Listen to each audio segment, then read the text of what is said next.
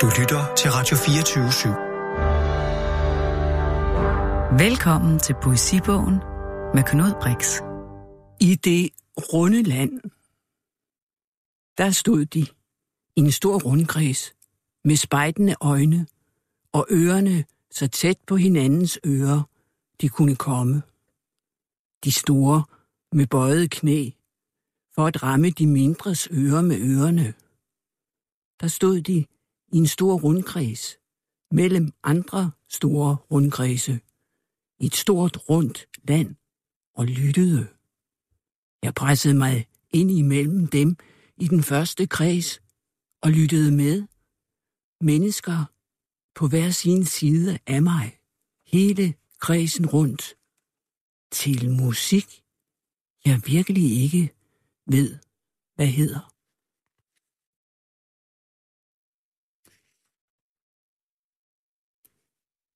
Mit efterårstorv Kære mit eget forbavsede liv, der blusser i forvejen af, hvem jeg i øvrigt er, og kommer tættere og tættere på det nøgen gyldent ufotograferbare ved efterårsbladet og glorier med folk i, der tumler rundt mellem hinanden i vinden på torvet og siger, uh, ah, um.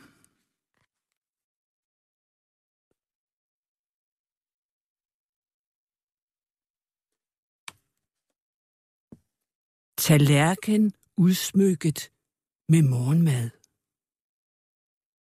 Så patentligt anrettet på tallerkenen lå dagens tidligste morgenmad og var morgendæmringssyltetøj, destilleret solopgang og rose og død på én gang, komponeret af den afgrøde, syntetiske mikrober har licens til at dyrke på markerne ingen steder fra.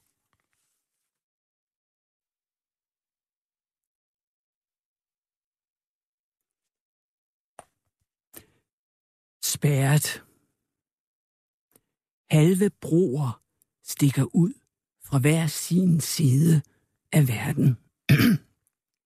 Voksne og børn løber, undsluppet pigtråd, forfulgt af grænsevagter, med solen i ansigtet og mørket i ryggen, prøver de, blændede i gabet mellem de brudte broer, om luften kan bære det sidste stykke af vejen, som ikke er.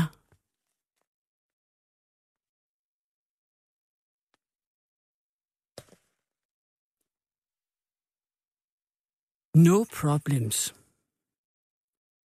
Hvis jeg vil være et troldmaskineri, kan jeg da godt blive det. Så kan jeg bruges til kryptering af hver eneste højtid.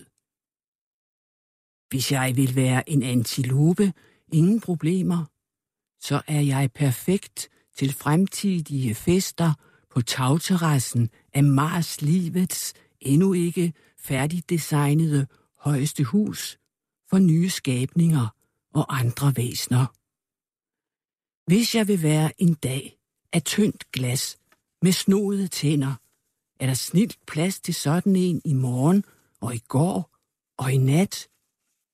Eller en ukendthedsallergi på størrelse med Andromeda-galaksen. Hvorfor ikke? Som sådan kan jeg gøre nytte som storhed, der holder intetheden på afstand. Hvis jeg vil være en genopstandelsesbedrift i skikkelse af formødre på række og geled, ok fint. Den slags manøvre egner sig udmærket til intime situationer og kolber.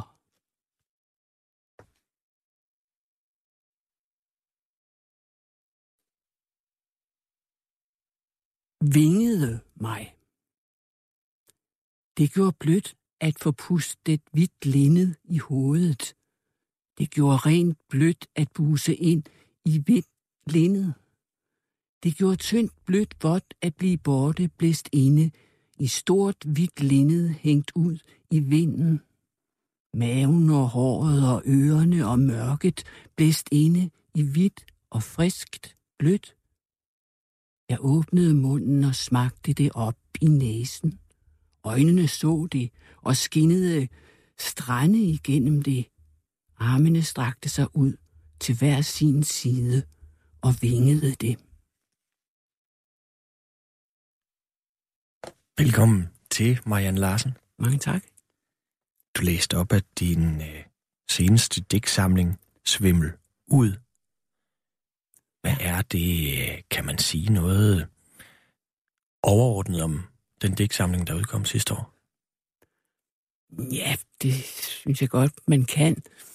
Altså det der titlen Svimmel ud, det er jo noget, det der gør med at være svimmel selvfølgelig. Og jeg synes, det hentyder måske til den tilstand, vores tid er i nu, hvor der sker så mange ting. Og at være svimmel, det er jo noget med ikke rigtig at kunne fokusere. Ja. Og mm, netop i vores tid, øh, lige nu, bliver vi revet i mange forskellige retninger, og har ligesom svært ved at se, hvad er kernen i alt det her. Men det er, mås- er måske noget, som gælder til alle tider. At være svimmel, det er jo, en, det er jo kun en krop, der kan være svimmel. Det er sanserne, maskinerne kan jo ikke være det. Så det er også reage- den organiske reaktion på ja, det digitale, tror jeg.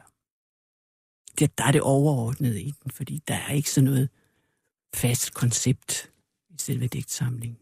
Nej, for du er jo ikke en digter på den måde, men når du siger det her med, at, øh, at verden et eller andet sted svimmer, eller kroppene i verden er svimmer, svimle, hvad, hvad er konsekvensen af det, tror du? Men det er jo, det skaber jo en forvirring, fordi hvor, hvor, hvor er man, når man drejer, drejer rundt hele tiden? I, altså dervisher, altså sufi mestre, de kan dreje rundt hele tiden, uden at, uden at blive svimmel og ligesom komme i trance. Men det er, jo, det er jo så en kunst, de kan. Men hvis vi går som mennesker går rundt og er, eller ikke er svimle, men ligesom har en fornemmelse af, at vi er i en svimlende verden, som er meget svært at gennemskue, mm. så er det også svært at finde ind til, hvem man selv er. Men det er jo interessant, at du siger, at et eller andet sted siger du jo, at din digtsamling er rodfæstet i samtiden. Alligevel slår det mig, altså fordi samtiden er svimmel, ikke? Alligevel slår det mig, at udover at den er, så måske, at du siger, at den er festnet i samtiden, så er der jo også noget, noget almen gyldigt i dit sprog. Ja. Altså det er som om, du på en og samme tid er svævet ud, ud i universet, og samtidig så er du lige til stede i de første dage af 2019. Ja, men det har nok noget med selve poesiformen at gøre, mm. tror jeg. Fordi øh, det er jo virkelig en elgammel ting, og, og som ligesom kan blive ved med at holde fast i noget. Øh, fordi noget af det første, der blev ligesom udtrykt øh, af mennesket, det var altså både vægmalerier, men jo også øh, sangen og, og sproget og, og, og digtet. Så selve formen, tror jeg, gør, at man kan ligesom både få det almindelige menneskelige, som du siger, mm. det som på en eller anden måde er eviggyldigt, øh, med ind i det udtryk, vi så også giver af den tid, vi lever i. Hvis, hvis din skrift har noget eviggyldigt i sig, så er der jo stadigvæk noget, der så, samtidig noget, der så et eller andet sted er forankret i de over 48 år, tror jeg, er regnet ud, at siden du udsendte din første dæksamling. Så skal jeg jo godt tænke mig, hvis vi prøver at simpelthen komme helt tilbage. Øh, jeg ved, du er født nede ved Røsnes. Ja. Hvornår? Det var i 1951. Ja. Nede ved Kalumborg-egnen. Ja. Din far øh, arbejdede på gårde. hvad var, øh, hvad var din far for en mand? Altså, vi, vi havde sådan en, en, en lille gård, som min far havde, havde købt af sin far. Ja. Øh, så det, det, det var så det i begyndelsen af min barndom, vi levede af. Ja. Altså i 50'erne, begyndelsen af 50'erne. Øh, og der var min mor med, med i det arbejde, men så senere fik hun arbejde på den nærliggende øh, hospital. Kysthospitalet hed det. Det Ja. findes ikke mere. Det var sådan et sted for, ja, rekonvalescenser, tror jeg, sådan den slags. Ikke et rigtigt hospital på den måde, hvor hun ligesom var sygehjælper. Øh, og så gik min far mere over til øh, sådan øh, gartnervirksomhed med asparges og, og jordbær og, og øh, æbler og alt den slags. Så et eller andet sted, da du bliver født, en husmandsfamilie. Ja, De var ved at blive udfaset på det tidspunkt et eller andet sted. ja, ja. Og så kommer, hvor, der bliver du født. Hvad, hvad var du for en type barn? Altså, øh, jeg var den mellemste. Jeg har en storebror og en lillebror. Ja. Og det, det præger jo også en... Dels jeg var den eneste pige, og dels jeg var den mellemste, siger man. Det, men ellers så... Ja, vi legede jo meget ude i naturen. Og det, det er faktisk en meget flot natur, Røsnes, øh, som også er nu er med i den danske naturkanon Ja. blandt de 17 eller de 15 naturperler i Danmark. Øh, så det præger jo også ind, og ligesom at kunne løbe ud, og, og vi boede tæt ved stranden, øh, og var meget ved stranden om sommeren, og bade og den slags. Jeg ved, at du øh, som barn fandt på historier, som du så fortalte for din storebror og din lillebror, når det var sengetid, og I lå der og skulle sove. Hvad, hvad kunne det være for nogle historier? Mm, det var sådan meget enkle historier, som faktisk kom lige ud af hovedet på mig. Ikke? Sådan. Øh, og, og når jeg var kommet i gang, så kunne jeg bare blive ved med at fortælle. Det var ligesom, det var ikke sådan en, der var i hovedet på mig i forvejen, og så tænkte, det har en begyndelse, og det har en slutning. ved. Det var nogen, der gik ud af en, af en vej. Det kunne være dyr eller mennesker. Og så så de ting på den vej, de, der hvor de kom forbi. Samtidig, jeg husker det. Noget, der opstod spontant i øjeblikket? Ja. Din familie, din far er en slags husmand, og din mor arbejder senere øh, på, på det her som sygehjælper. Var det en boglig familie? Nej, det var det ikke. Det var det ikke. Altså, vi havde bøger. Forskellige slags, ikke? Altså, sådan klassikere, kan man sige. Køkkenhøvdingen og den slags. Øh, og også børnebøger. Både gamle og nye. Men ellers så var det... Ja, vi holdt fam- familiejournalen. Det, var sådan, det kom med posten. Der kommer der jo post hver dag. Og der Det kom opdagede godt du, nok. Ja, der opdagede du de her no- noveller eller følgetong romaner eller noveller, som er i, i familiejournalen. Prøv at fortælle om det. Jo, men dengang, og det er der måske stadigvæk, jeg regner med, at det stadigvæk eksisterer, familiejournalen, eller noget lignende i hvert fald. Øh, der var sådan forskellige øh, forsatsromaner, som vi kaldte det, som man kunne følge med i. Og dem begyndte jeg ret tidligt at læse. Ja, da jeg havde lært at læse. Og, og følge med i, og glæde mig til næste uge. Det var sådan cliffhangers, der tit var på de der øh, romaner, som var jo for voksne, men alligevel kunne jeg godt øh, lide at læse om det.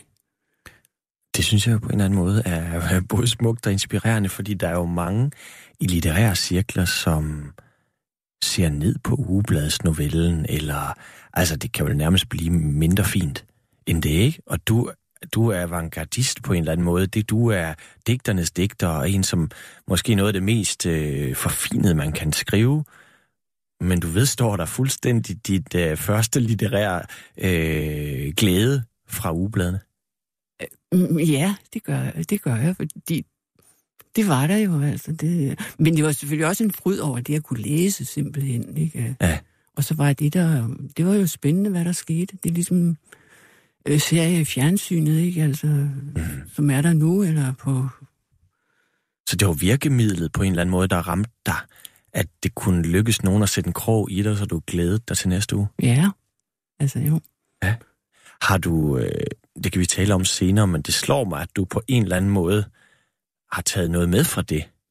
Øh, fordi at, at der er mange digter, og så skriver de alle mulige forskellige ting, men jeg ved det ikke, men jeg har en eller anden fuldstændig udokumenteret fornemmelse af, at din ene digtsamlinger på en eller anden måde, ligesom hvis man tegner cirkler på en væg, og så er der en fællesmængde, at der er visse fællesmængder imellem dine, dine digtsamlinger. At der, ikke, jeg vil ikke sige en følgetong, men... men øh... Jo, men det, det, det tror jeg, du har ret i. Altså, det er sådan en, øh, en proces, ikke? Altså, der ligesom øh, skinner igennem altså mit værk, ikke? Man kan godt se, at der er lighedspunkter, øh, både med det allerførste, jeg har skrevet, og med det seneste, ja. tror jeg nok. Ja. ja. Der er du så du fortæller, du læser Ublads noveller, fortæller spontane historier for dine brødre i skumringen. Øhm, jeg ved, du elskede at tegne. Ja, det var, det, det var min store passion, da jeg var barn, faktisk. Ja? Ja. Øh, Hvor kom det fra? Hvad tegnede du? Jamen, øh, jeg tegnede alt muligt. Jeg tror, det første, jeg begyndte at tegne, det var heste. Og jeg tegnede dem bagfra, kan jeg huske starte med halen, og så kroppen op, og så... det, var en, det kunne godt tage meget lang tid at få sådan en hest frem på, på ja. papiret. Ja. Et eller andet sted er du vel øh, et produkt så også, og det kan man se, de sniger sig ind i dine tegninger, du er vel produkt af det landbrugssamfund, som du voksede op i? Ja, det er altså...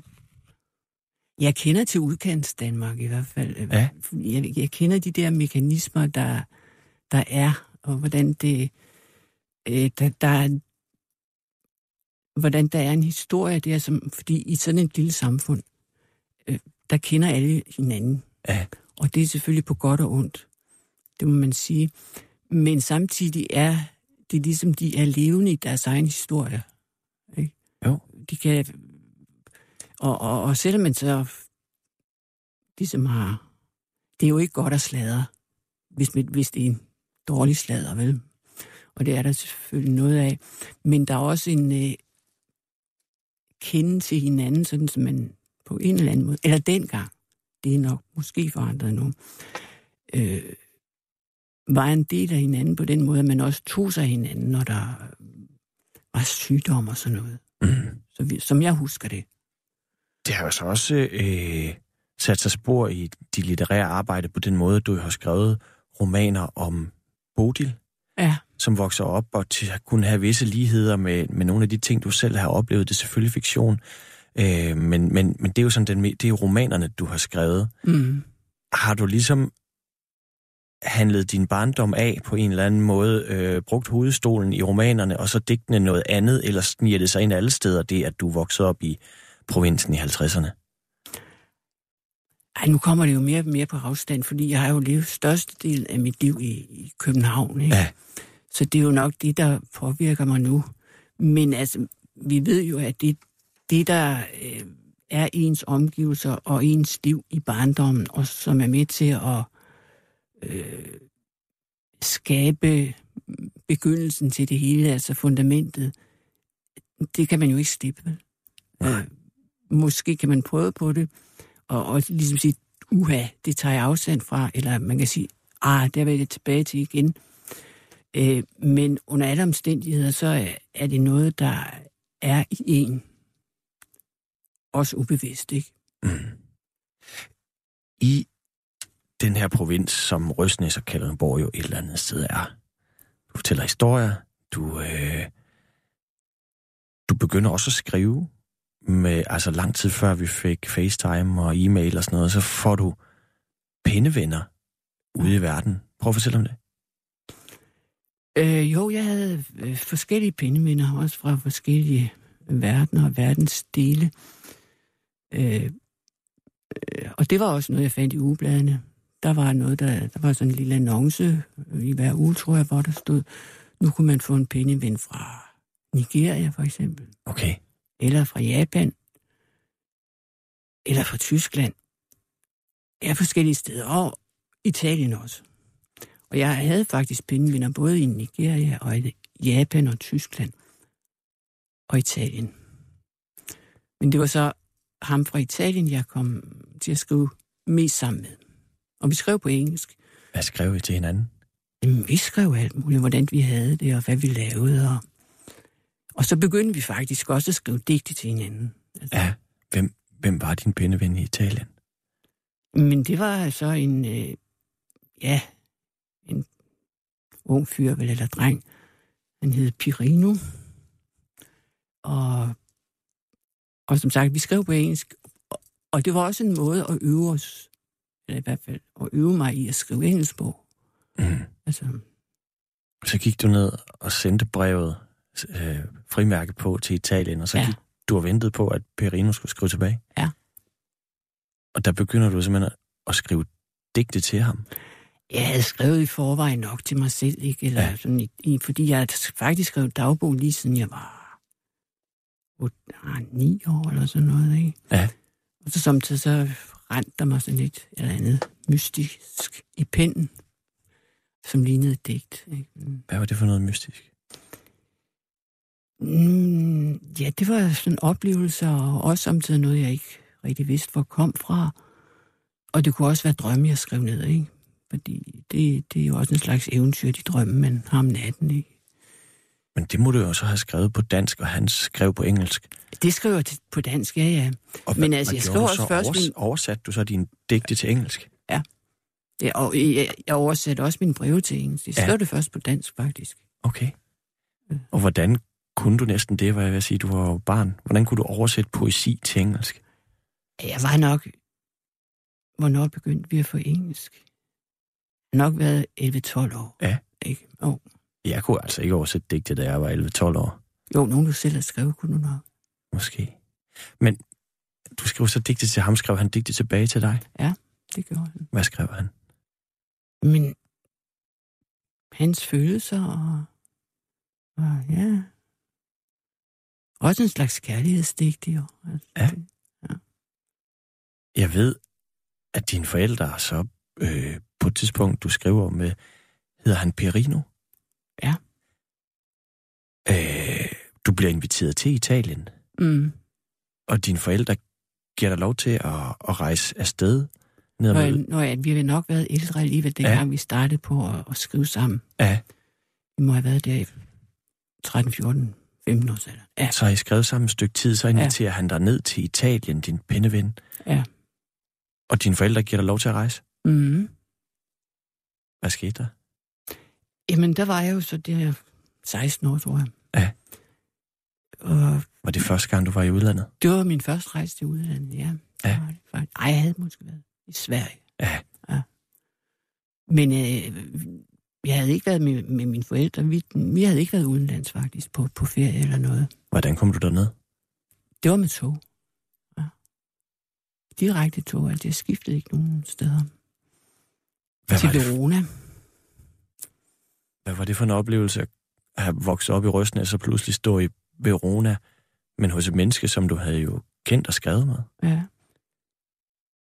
Mm, jo, det var, det var, det var jo meget spændende. Ikke? At, at, at rejse og komme igennem der bjerge og alt muligt. øh, Se ud af vinduet i toget. Ikke? Ja. Øh, og, og så møde ham der. Han, han var på, på, på togstationen. Og, og han, vi fulgte så til hans hjem. Ikke? Videre.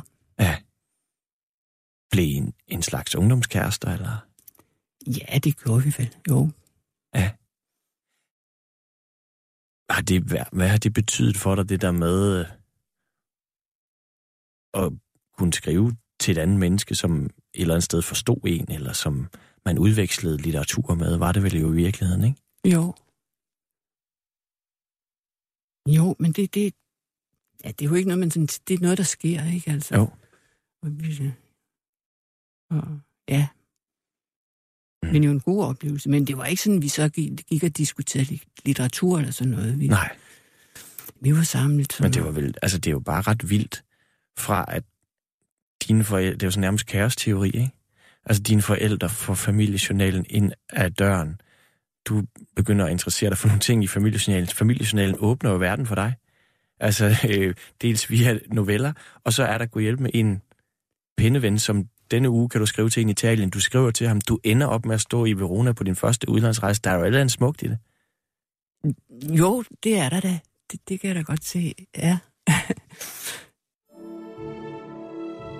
du lytter til Poesibogen på Radio 24 med Knud Brix. Hans gæst er digteren Marianne Larsen.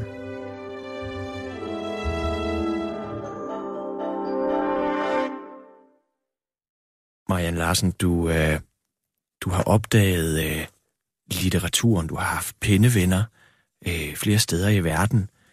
Øh, du kommer i gymnasiet. Du får en, øh, en lærer, der åbner verden op, eller den litterære verden op for dig. Prøv at fortælle om ham. Uh, ja, det var, det var øh, allerede i, i realen. Mm. Fordi der var der noget, der hed realen dengang, hvor jeg gik to år. Men det foregik også på, på selve gymnasiet. Mm. Og der var der altså min danslærer der, som var en kvinde. Øh, øh, fru Pletner, kan jeg huske, hun hed. Ja. Og hun var meget øh, interesseret i, øh, i moderne litteratur, faktisk. Det var ikke sådan en, en, en gammel øh, øh litteratur, historieagtige ting, vi skulle igennem der øh, i, i danstimerne. Men hun kom med sådan nye ting, øh, som hun havde læst. Og det var så i øh, slutningen af 60'erne. Det var sådan noget med, ja, det kunne være Vagn Lundby, eller Inger Christensen, og Sørensen, og der var flere af den generation. Cecil Bøtger, kan jeg huske. Ja. Jeg kan huske, eller du fortalte mig, at især Willy Sørensens måde at skrive på, øh, i et eller andet sted i dit hoved sprængte rammerne for, hvad man kunne, eller at du sagde til mig, tænk, at man kunne skrive sådan? Ja. Jo, det var, det var noget nyt for mig, at det, man kunne skrive på, ja, på, på, på en måde, som jeg synes åbnede op for en anden verden. Ja. Og det kunne, det kunne man gøre ved hjælp af sprog og ved hjælp af de særlige perspektiver, man sat på verden, og øh, så de underlige sider ved den, og, og, og alligevel gjorde det til noget, man, eller jeg kunne se for mig i, i billeder, og der ligesom udvidede den verden, jeg levede i. Ikke? Eller i min måde at opfatte den på. Mm. Altså perceptionen af verden et eller andet ja, sted. Ja. ja. Et andet sted, hvor din øh, verden udvider sig, er, at du kommer på biblioteket. Øh, og det er der, du ligesom opdager hvedekorn. Ja. Øh, prøv at fortælle om det. Du er på biblioteket og søger efter ting, og du opdager hvedekorn, ja, ja. Øh, det litterære øh, tidsskrift. Jo, men dengang var jeg sådan også begyndt at skrive mere og mere for mig selv. Og det, det var noget drømmeagtigt noget, og det var også, det, vi levede jo i en, det var jo en opbrudstid. Og det var det også, da, da jeg gik i gymnasiet. På den måde, at vi, vi snakkede om alt muligt, og det var ikke så øh, konkurrencepræget. Mm. Øh, og der var psykedeliske fænomener, og hippiebevægelsen kunne vi snakke om i gymnasiet. Øh, og samtidig med, at vi læste moderne ting i danstimerne osv. Øh, så jeg var begyndt at skrive, og så var jeg også interesseret i, hvor andre unge mennesker skrev, og hvad de skrev. Mm. Og så fandt jeg øh, Hvedekorn øh, på Kalmborg Bibliotek, som er et tidsskrift, som øh, udgiver, eller som trykker, mest unge øh, debutanter. Mm. Og, og jeg læste i det, og, og synes der var en sammenhæng mellem de ting, jeg sådan selv sad og eksperimenterede med, og så de, det, de andre unge mennesker, unge digtere skrev. Nej. Du... Og så, ja, og jeg læste forskellige, men øh, jeg kan huske, at jeg blev mærke i Peter Laugesen. Ja. Øh, han havde også en helt særlig måde at skrive på, som var øh, på samme tid for mig forståelig, men så var der noget uforståeligt ved det også. Ja. Men noget spændende uforståeligt, ikke? Øh, som, ja, som ligesom pirrede mig. Øh, så det var så den første sådan digter, jeg selv fandt, øh, kan man sige. Ja, men det er sjovt, du nævner ham, fordi når man taler med folk, så er det jo også meget ham. De, altså, man kan jo ikke sidde og sammenligne lyriker, det giver jo ikke nogen mening. Men der er jo en vis form for slægtskab, virker det til, mellem, mellem dig og Laugesen, som ikke er noget, ja. I har dyrket, men Nej. som på en eller anden måde, altså, der er jo færre, der har lige så lang produktion og lige så flittigt et eller andet sted, og alligevel så særligt. Øh, føler du en eller anden form for slægtskab med Laugesen? Ja, det tror jeg, jeg gør i selve altså, måden at være digter på. Ja. Men vi skriver meget forskelligt. Ja. Det gør vi. Men hvad er det ved hans måde at være digter på? Du... Jeg tror, at hans måde er mere, øh, hvad skal man sige... han, er, han går mere på det rytmiske og ordene. Han er mere inde i musikken ved digtene. Mm. Øh, mens jeg er mere inde i øh, det visuelle. Jeg synes, meget, mange af mine digte, det er sådan kan være øh, små øh, billedrige historier. Altså, øh, hvor jeg forestiller mig, at dem, der hører digtene, som, dem, som læser dem, ser en hel masse billeder for sig. Mm. Øh, hver på deres måde selvfølgelig. Mens øh, Peter Laugesens, de, de er også fulde af billeder, men samtidig rummer de musikken på en anden måde, mine gør, synes jeg. Hvordan? Øh, det er svært at forklare. Det er noget med, med rytmen i det, og måden ordene øh, kommer på siderne også, når han læser op, hvordan det, hans måde at læse op på er en, en anden end min, ikke? Ja. Du opdager så Peter Laugesen, som på det tidspunkt skriver til, til Hvidekorn, og der er vel et eller andet sted nærmest også noget følgetong i det, at du kommer på biblioteket, og øh, Hvidekorn kommer ind. Øh, hvad var det? Hvor ofte? Øh, Æh, det kom fire gange om året. Ja, fire gange om året. Der er vel Ja, også der noget... var, nu blev jeg spændt på at vente på hvidekorn. ja, så i stedet for at vente på familiejournalen ja. en gang om ugen, så ventede du på de fire gange om året, hvor hvidekorn kom. Ja. ja. Du tager jo så mod til dig og sender øh, nogle digte ind til, øh, til hvidekorn, og det er jo sådan en øh, navnkundige legendariske Paul Borum, som faktisk øh, modtager din digte derinde. Du skriver første gang ind under et pseudonym, Jane Larsen. Ja, det er Hvor, rigtigt. Hvorfor det? Men det kan jeg ikke rigtig forklare, altså. Jeg tror, det var noget med, jeg synes, det, det lød mere kunstnerisk. Ja. Jane. Øh, så blev jeg faktisk også derhjemme kaldt Janne. Men altså, jeg skrev Janne. Øh, og det fik jeg ikke svar på, det der. Der gik noget tid. Nå, tænkte jeg, ja. Så sendte jeg igen nogle digte ind. Under mit eget navn. Mm.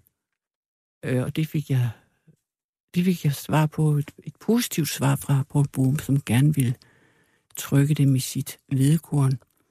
Og samtidig så sendte han øh, det foregående nummer, øh, som jeg så kunne læse også. Og der var det så, jeg fandt øh, øh, mit digt, som var skrevet under navnet Jane Larsen. Og så stod der un, altså, under ukendt adresse, eller hvad det var, der stod. Det jeg ikke kunne finde. Så i virkeligheden var du debuteret i Hvedekorn, uden at, at du vidste det? Ja. Og under dit pseudonym, og så optog Borum det under dit eget navn. Ja, det gør han bag, ja, ja, bagefter. bagefter. Ja. Jo. Det var egentlig ret sjovt. Hvordan, øh, hvordan havde du det, da du fik optaget de her digte? Det er en, det er en stor mærkelig fornemmelse. Ja. Fordi det, det der med, at nu kan alle læse det, men det er jo også en, altså, en meget stor øh, ære på en eller anden måde, at, fordi jeg kendte jo Paul Borum på den måde, han, han, det var ham, der stod for, for øh, udvælgelsen af dem. Mm. Og så tror jeg også, han allerede dengang skrev i Ekstrabladet, det, øh, som vi også fik en gang imellem og ja. læse. Skrev anmeldelser og sådan noget, som jeg, fordi jeg var interesseret i litteratur, også læste, når jeg læste Ekstrabladet. Der de her digte, da du får dem trykt, læste du dem op for... Viste du til dine forældre, at du havde fået dem trykt? Jeg tror godt nok, jeg viste det, og de også, øh, men jeg læste det ikke op. Nej. Og jeg tror heller ikke, de har forstået det. Men øh, de synes jo også, det var øh, fint og godt. Men, men Men øh, de, var, fint og godt, men, men forstod det måske ikke helt. de forstod det ikke helt. Men Nej. det, på, på den anden side, dengang skete der faktisk også så meget, øh, som generationen, altså forældregenerationen, ikke fulgt med i. Mm. Altså hippiebevægelse, hvad var det for noget psykedelisk, og, og øh, hvad var det, hvorfor gik unge pludselig med langt hår, og hvad skete der ikke? Mm. Altså det, der skete dengang, og som var en anden verden end vores forældres, det var mere det på musikkens område, og så selve vi unge mennesker, som pludselig skiftede udseende, ikke? Du flytter jo så fra provinsen og Kalundborg Røsnes Gymnasiet til øh, København og begynder at læse. Øh, og her springer jeg lidt. Men, men du skifter jo ligesom øh, studiet et par gange. Mm. Hvad var det nu, du startede med at læse? Jeg startede med at læse kunsthistorie, Det er rigtigt. Og så læste du senere dansk. dansk. Men det, som jeg synes er interessant, at du faktisk ender med kinesisk. Mm. Hvor kom det fra? Altså, det kom, det kom fra en interesse for sproget som sådan. Hvad er Ja. ja. sprog for noget? Fordi jeg havde også læst øh, sådan sprogteoretiske øh, værker. Hvad er sprog? Hvad er talesprog? Og hvad er øh, skriftsprog? Og hvordan der er forbindelsen mellem det, den, vores sprog, det vi udtrykker vores liv Ja. til hinanden med.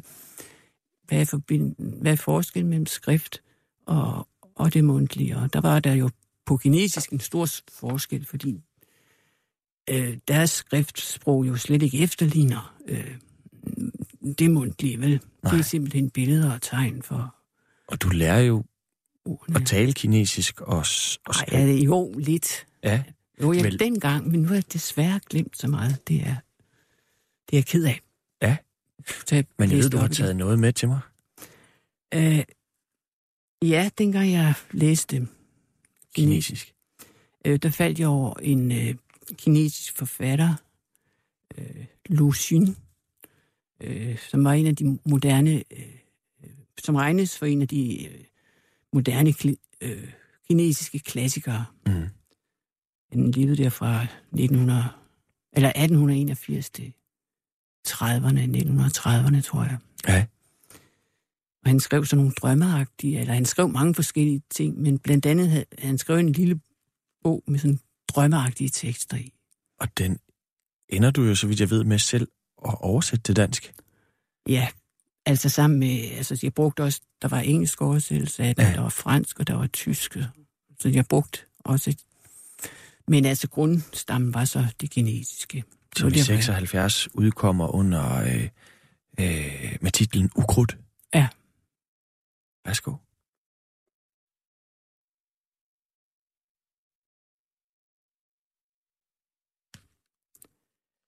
Jeg? Det er altså en, en, en lille historie. Den tager nok øh, fem minutter eller sådan noget. En vidunderlig fortælling. Lampens flamme blev mindre og mindre. Der var ikke meget petroleum tilbage, og det, der var tilbage, var af ringe kvalitet. Lampens glas var sort af røg, Udenfor skød folk med knallerter. Jeg sad for mig selv i min egen cigaretrøg. Det kunne kaldes en uforklarlig nat. Jeg lukkede øjnene og lænede mig tilbage i stolen. I mit skød havde jeg et eksemplar af lærebog for begyndere. Jeg begyndte at drømme og så billeder af, vid- af en vidunderlig fortælling. En overnaturlig, charmerende, gådefuld fortælling. En masse smukke folk og ting blandede sig med hinanden og skyerne. Det hele lignede et himmelsk vægtæppe, som kom svingende forbi med en myriade af almindelige stjerner på slæb. Det strakte sig i alle retninger efter evigheden, uendeligheden. Jeg ved det ikke helt sikkert, men jeg mener, jeg sad og funderede over, hvordan jeg engang sejlede i en lille båd på en gammel flod ved Xianyen. På begge bredder, som lå genspejlet i vandet, var der eukalyptustræer og unge risplanter, vilde blomster, fasaner, hunde, buske, stråtægte hytter, pagoder, klostre, landlige mænd, kvinder og børn, tøjhæng til tørre, munke, kokos, bast, hatte, flettet af bambussplinter og himmel og skyer. Det hele blev fanget af det blinkende solskin i vandet, hvor der var fisk og tang. Ved hvert overtag kom de forskellige ting ud af deres vante stillinger. De balancerede i det uvisse, de skiltes i en eller anden rytme og fandt sammen igen og blev til et hele. Deres størrelse forandrede sig uafbrudt, indtil de hver især blev som de var til at begynde med. Deres konturer var ligesom skyer er om sommeren, men der kom kviksølflammer fra dem. Sådan var hele floden, og sådan var den fortælling, jeg så. Den blå himmel, som lå i vandet, hvorpå alting befandt sig vævet ind i hinanden. Det var umuligt for mig at se, hvor det endte. Der var spredte, spinkle stokroser under de gullige popler på bredden, bredden. Dem må landsbyens piger have plantet. Der dansede spejlinger af store lilla blomster og blakkede røde planter ved siden af båden. De forsvandt stille i lilla krusninger. Der var ikke til at se nogle gloria efter dem. De stråtægte hytter, hundene, pagoderne, landsbypigerne, skyerne dansede også. De foldede sig ud i ringe som røde, røde silkebånd. Båndene viklede sig ind i hinanden, hundene viklede sig omkring skyerne, og skyerne viklede sig omkring landsbypigerne, og i et nu trak de sig sammen igen. Genskinnet fra de blakkede røde planter var forinden gået i stykker, og så ud til at strække sig efter pagoderne, men også efter landsbypigerne, de stråtægte hytter, skyerne og hundene. I det øjeblik blev fortællingen, jeg så, betydeligt klarere, mere tiltrækkende, mere fortryllende. Utallige smukke personer og scenerier viste sig fra dens blå bund. Jeg så det hele indtil mindste detalje. Det var alt sammen genkendeligt. Jeg skulle lige til at se rigtigt. Jeg ville nærme mig det mere og mere for rigtigt at se, da jeg pludselig i et sæt åbnede øjnene, og det skyagtige tæppe krøllede sig sammen og kom i uorden, ligesom når nogen kaster en stor sten i vandet. Jeg greb, uden at tænke over det, efter mit eksemplar af lærebog for begyndere, der var glidet ud af mine hænder og ved at falde på gulvet. Jeg havde regnbuefarvede blåner for øjnene, fragmenter af sønderrevne billeder af fortællingen. Fortællingen havde virkelig været betagende.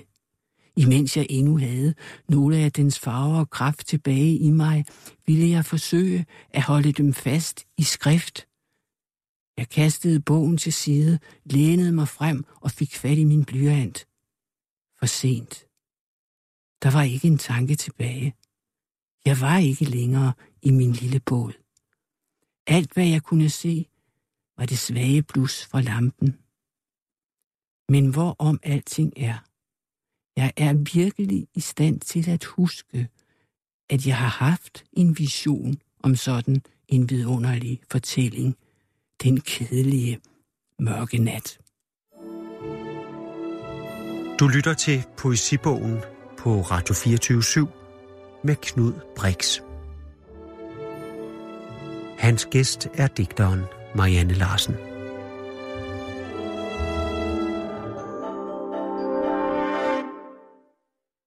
Marianne Larsen, du har, øh, siden du debuterede i 1971 med koncentrationer på Borgens forlag, skrevet mere end 40 digtsamlinger, eller 40 digtsamlinger. Prøv at fortæl mig, øh, når du skriver digte, hvordan skriver du? Ja, det, det kan foregå på forskellige måder på en... Men øh, når jeg er inde i en god periode, altså så, så, så, skriver jeg, så skriver jeg mange digte. Og der er perioder, hvor jeg ikke skriver digte. Øh, og så skriver jeg noget andet, dagbog og skitser og den slags ting. Øh, men når jeg er inde i en god periode, så, så skriver jeg hver dag. Hvad skriver du på?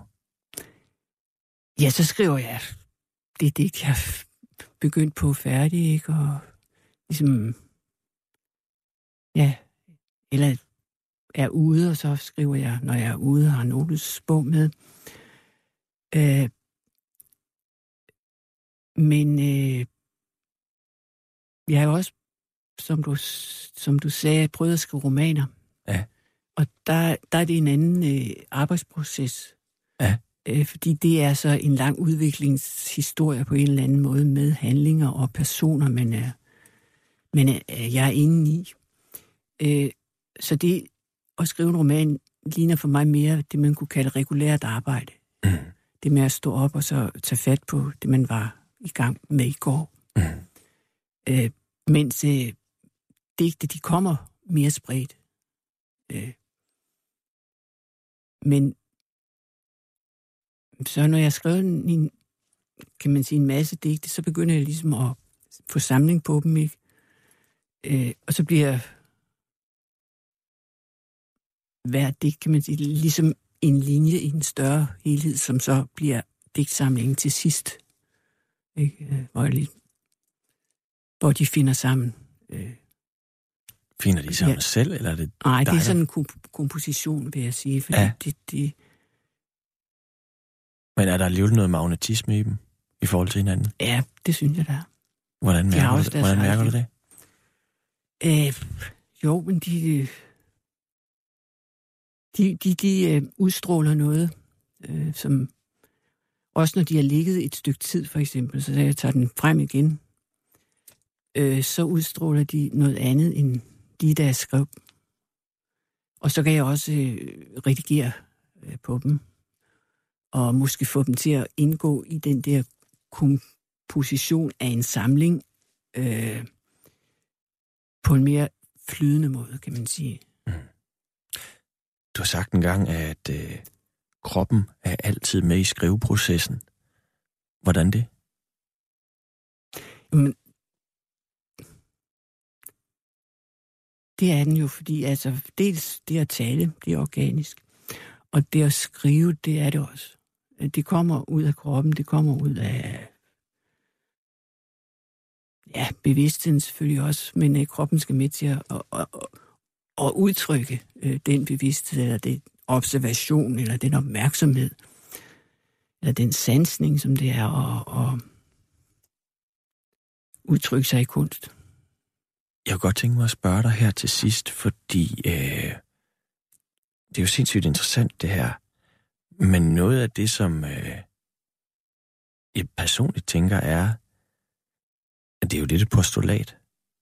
Men øh, hvis du havde været bedre til at sælge digteren Marianne Larsen, så tror jeg, du havde været folkeeje.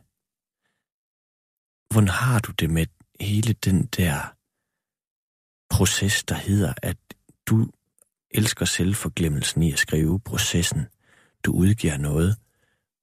Hvordan har du med det alt det, der er udenom? Øh, hvad ved jeg, farv, om farv dine negle sorte for at få opmærksomhed. Salgsprocessen i forhold til digtene. Hvordan har du det med det? Altså, den, øh, den kan godt være noget problematisk. Øh,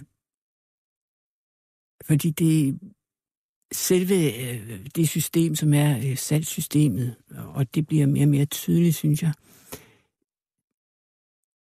det kræver noget ekstrovert øh, af kunstneren. Mm.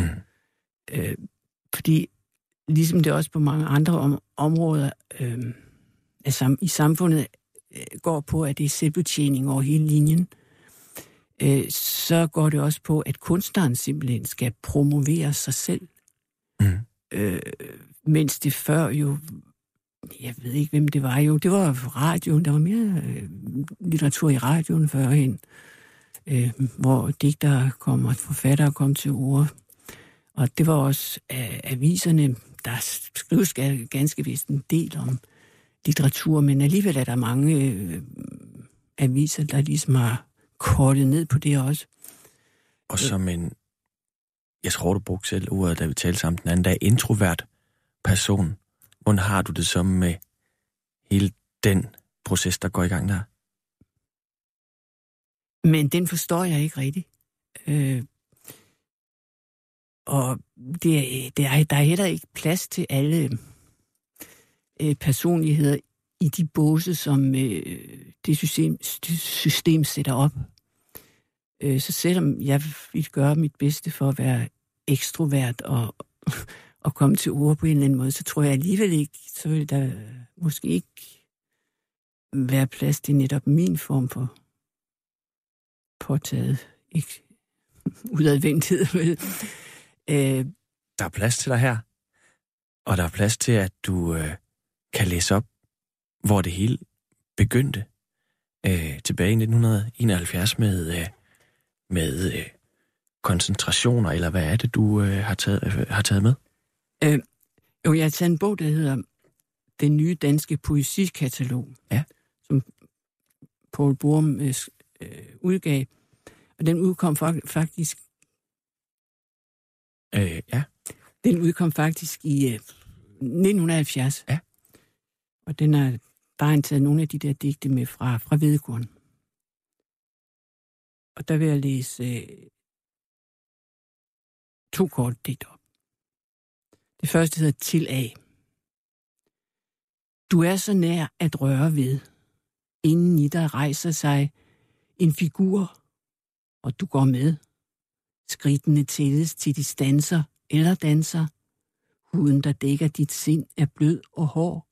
Lød en elskovssang i mange vers, når den blev sunget, og du var langt borte, som aldrig ventede, men drømte, drømte.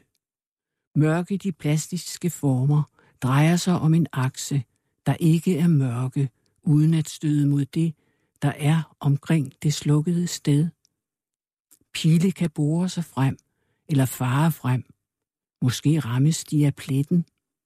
Elskede, er dine fuglevinger snart færdige med at bære dig? Vil du lande? Eller har du måske mistet dig selv i luften?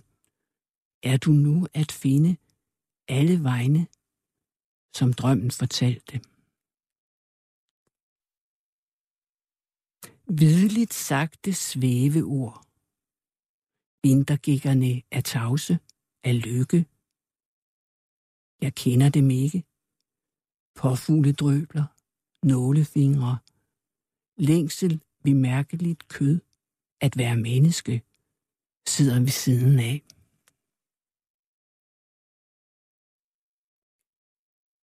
Hvordan øh, det kunne du vel lige så godt have skrevet i dag, det her? På en måde, ja. Og på en måde, nej. Jeg kunne nok ikke skrive lige det samme, men øh, i den samme stil, ja. ja.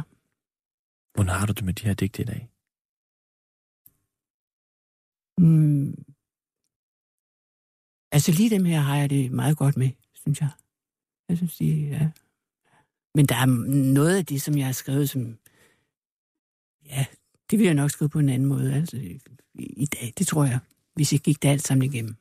Men alligevel kan du se en svimmel ud fra Røsnes gennem alle årene, og så til det, du skrev øh, helt til at begynde med. Ja, det er så fra ja, 69, det der. Ja. Tak fordi du øh, kom, Marianne Larsen. Selv tak. Du lytter til Radio 24 /7.